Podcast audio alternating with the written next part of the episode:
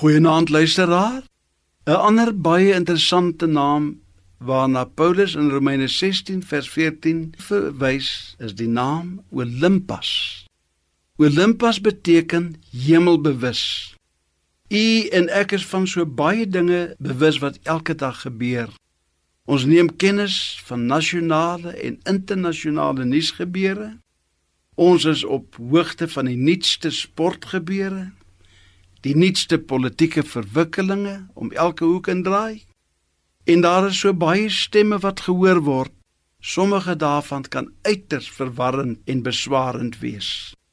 Ons probleem is dat ons te gereeld vasgevang word met die horisontale dinge en niks gebeur in plaas daarvan dat ons 'n vertikale perspektief ontwikkel.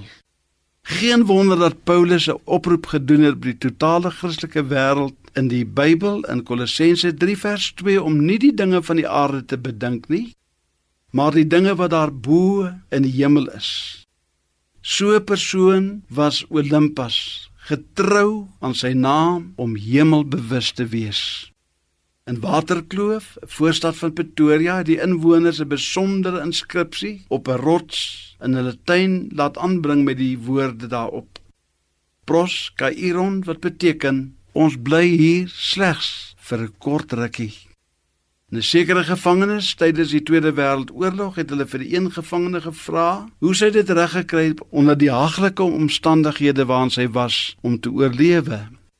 Haar getuienis was I lived in the view of my eternal home in heaven. Haar hemelbewustheid het haar deur die aardse krisisse gedra. Ons word so maklik oorval deur aardse kwellinge en sorges. Ons word so maklik vasgevang in benoudheid en angs. Die aarde met al sy sorges en bekommernisse kom op ons neer. Tydelike dinge neem so baie van ons kosbare tyd en energie in beslag Is dit nie dalk weer tyd, liewe luisteraar, om meer bewus te word van dit wat God kan doen as om te konsentreer op dit waarmee die duiwel besig is om reg te kry nie? Billy Graham het gesê, "Let's stop counting demons and start counting angels."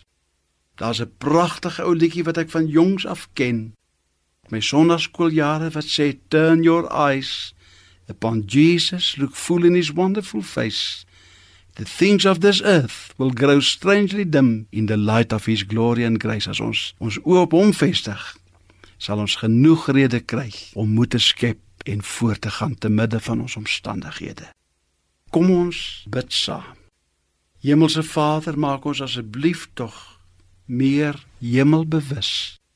Maak dat ons ook Olympasse genoem kan word wat besig is met ewigheidswaardes met 'n vertikale perspektief waar diewe nie inbreek en steel of mot en roes nie verniel nie.